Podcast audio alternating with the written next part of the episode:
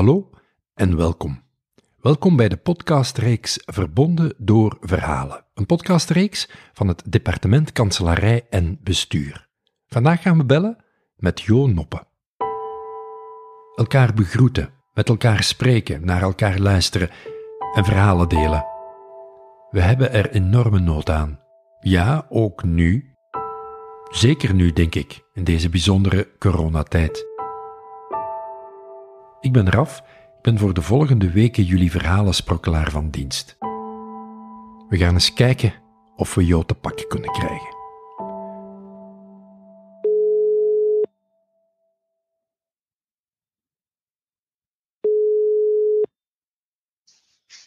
Goedemorgen met Janotte. Dag Jo, met Raf. Je belt voor de podcast zeker? Ik uh, ben Jon Noppe. Ik werk bij de Vlaamse Statistische Autoriteit. Uh, we maken deel uit van het departement Kanselarij en Bestuur. Begin dit jaar ben ik uh, begonnen met het Start to Camp Waas. um, en daarnaast probeer ik toch ook hier in de buurt wat, uh, wat buiten te komen. Ik ben er wel geïnteresseerd in de natuur. Um, vogels kijken en zo. In het um, natuurgebied, er is een rietveld, heb je nu tegenwoordig ja, alle kleine rietzangers. Uh, dat zijn uh, kleine bruine vogeltjes, uh, niet zo eenvoudig om, om te determineren. Maar die, waar je dan vooral naar de zang moet luisteren, dat zijn rietzangers of uh, of kleine karrekiets, dat soort dingen. En dat is wel een uitdaging om, om die goed te kunnen herkennen, dus daar leer ik elke keer weer iets mee bij. Um, ik ben uh, 41 jaar. Um, ik heb uh, drie uh, jongens, drie zonen, um, waarvan twee al tieners. ik werk bij de VSA, ben ik trekker samen met mijn collega Carolien Wekers voor onze productiepoot. Dat wil zeggen dat wij uh, proberen um, onze eigen productie van statistieken te coördineren. Uh, maar daarnaast ook uh, de statistiekproductie van de andere entiteiten van ons netwerk, dus alle andere VIO-entiteiten. Dat betekent dus veel overleggen, veel coördineren. Um, maar dat vind ik wel heel uitdagend.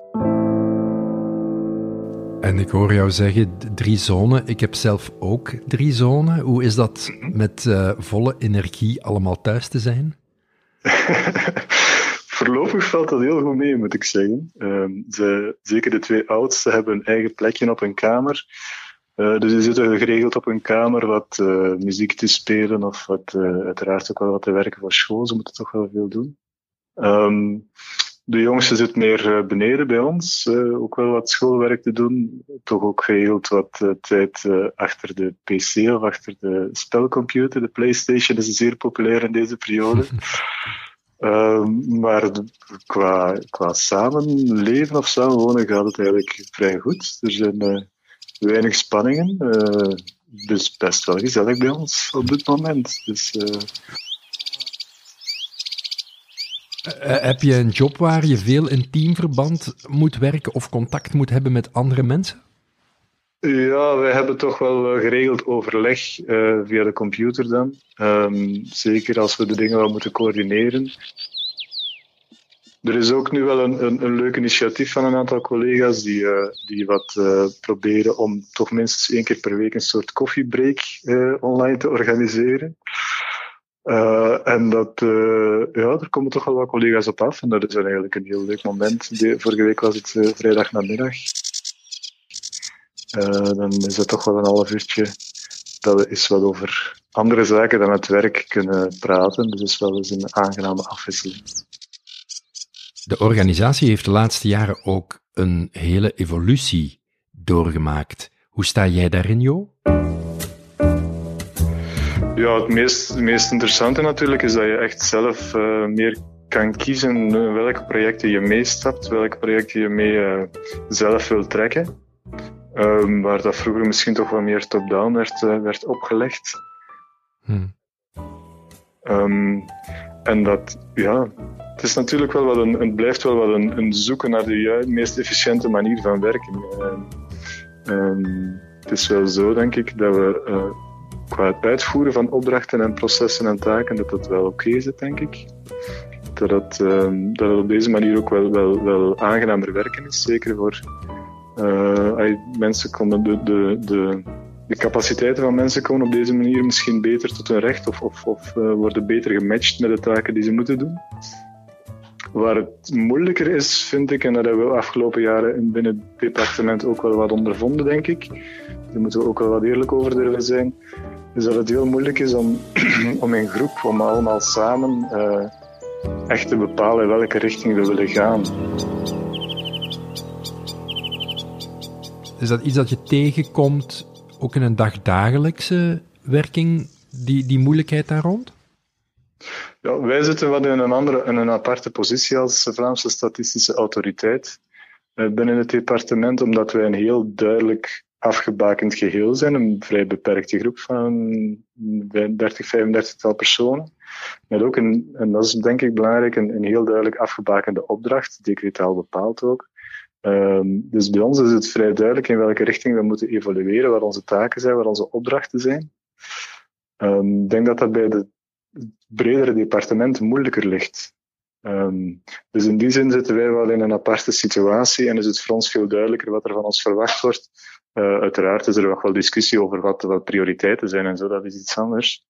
Maar de grote lijn waar we naartoe willen als, als Vlaamse Statistische Autoriteit ligt wel vast. Uh, en dat is bij het departement uh, toch moeilijker, denk ik, om dat, eh, dat heel duidelijk en klaar te krijgen voor iedereen. Heeft die nieuwe vorm van werken ook voor jou op persoonlijk vlak, misschien op vlak van je persoonlijke groei, iets bijgebracht? Ja, is, het is natuurlijk veel aangenamer werk, maar ik vergelijk dat echt met, uh, ik werk nu uh, bijna 15 jaar bij de Vlaamse overheid. Um, als ik echt vergelijk met hoe wij in het begin werkten, toen nog als studieist van de Vlaamse regering, um, dan was het echt wel de bedoeling dat we elke dag in Brussel werkten, dat we prikten ook. Hmm. Al dat soort toestanden is wel heel sterk geëvolueerd, heel sterk veranderd. En alleen maar in de positieve richting, vind ik. Hè, dat je veel meer verantwoordelijkheid krijgt om je werk zelf te organiseren, waar je het doet, wanneer je het doet. Uh, en ik heb niet het gevoel dat daardoor uh, uh, de efficiëntie van de werking of de output verminderd is van, van wat we doen. Wel tegendeel eigenlijk. Hoe kijk je vanuit dat gegeven dan naar de beweging van de fusie op dit moment? Ja, dat is natuurlijk nog een beetje onbekend hè, hoe dat gaat evolueren. Um, ik heb de indruk dat jullie wel uh, heel sterk open staat voor de, de manier van werken binnen het departement nu dus die, individuele verantwoordelijkheid, dat mensen echt wel zelf een, een, taak en opdrachten kunnen organiseren. Maar ik heb toch ook het gevoel dat ze meer zal proberen om zelf richting te geven uh, waar we naartoe willen. Uh, wat, de prioriteiten zullen zijn de komende jaren, dat ze daar ook vrij snel over beslissen. Weliswaar met, met uh, daar ook iedereen bij te betrekken bij dat proces, maar dan toch vrij snel ook definitieve beslissing wil nemen. En dat, dat vind ik wel een, een goede zaak. Hè. We zullen natuurlijk zien hoe het hmm. evolueert. Hmm. Maar op dat vlak uh, kijk ik er wel naar uit, naar, uh, naar hoe we, of waar we zullen staan binnen dit en bijvoorbeeld uh, volgend jaar. Begin dit jaar ben ik begonnen met het Start to Camp Waas. dat heeft me toch wel een beetje geïnspireerd. Ik heb nu niet zoveel naar het programma zelf gekeken, maar het, de opdrachten die daarbij kwamen, vond ik toch wel interessant. Wat moet je dan zoal doen? Ja, dat is wat meer krachttraining. Dat is echt op een matje uh, uh, armspieren, oefeningen, buikspieroefeningen, al dat soort dingen. Dan voel ik wel dat ik met de jaren toch, toch wel kan gebruiken. En ik moet zeggen, ik ben daar rond nieuwjaar mee gestart. En ik hou het voorlopig toch nog altijd vol. Dus we zijn nu ondertussen al in mei. Ik doe dat toch twee, drie keer per week. Dus dat stemt mij wel gelukkig.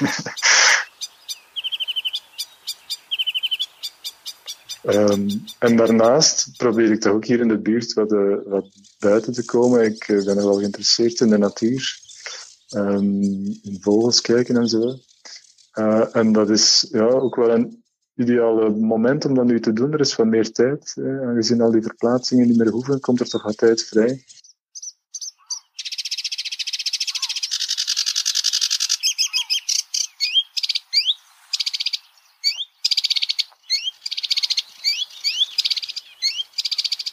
En bijvoorbeeld, bijvoorbeeld vogels kijken is echt wel een redelijk individuele bezigheid. Uh, wij wandelen ook wel, we proberen wel te wandelen met het gezin, maar als het gaat over echt vogels kijken, dan zeggen ze toch van ja, ga maar alleen, want je staat elke minuut uh, stil om naar dingen te kijken en dat is, dat voor ons niet zo leuk. Dus dat, eigenlijk past dat wel mooi bij deze tijd om, op, op, uh, om, om alleen dan een, een gebied hier in de buurt in te trekken en, en te hopen om wat mooie vogels te spotten. Te vertragen. Ja, inderdaad. Ja, zo zou je het kunnen zeggen.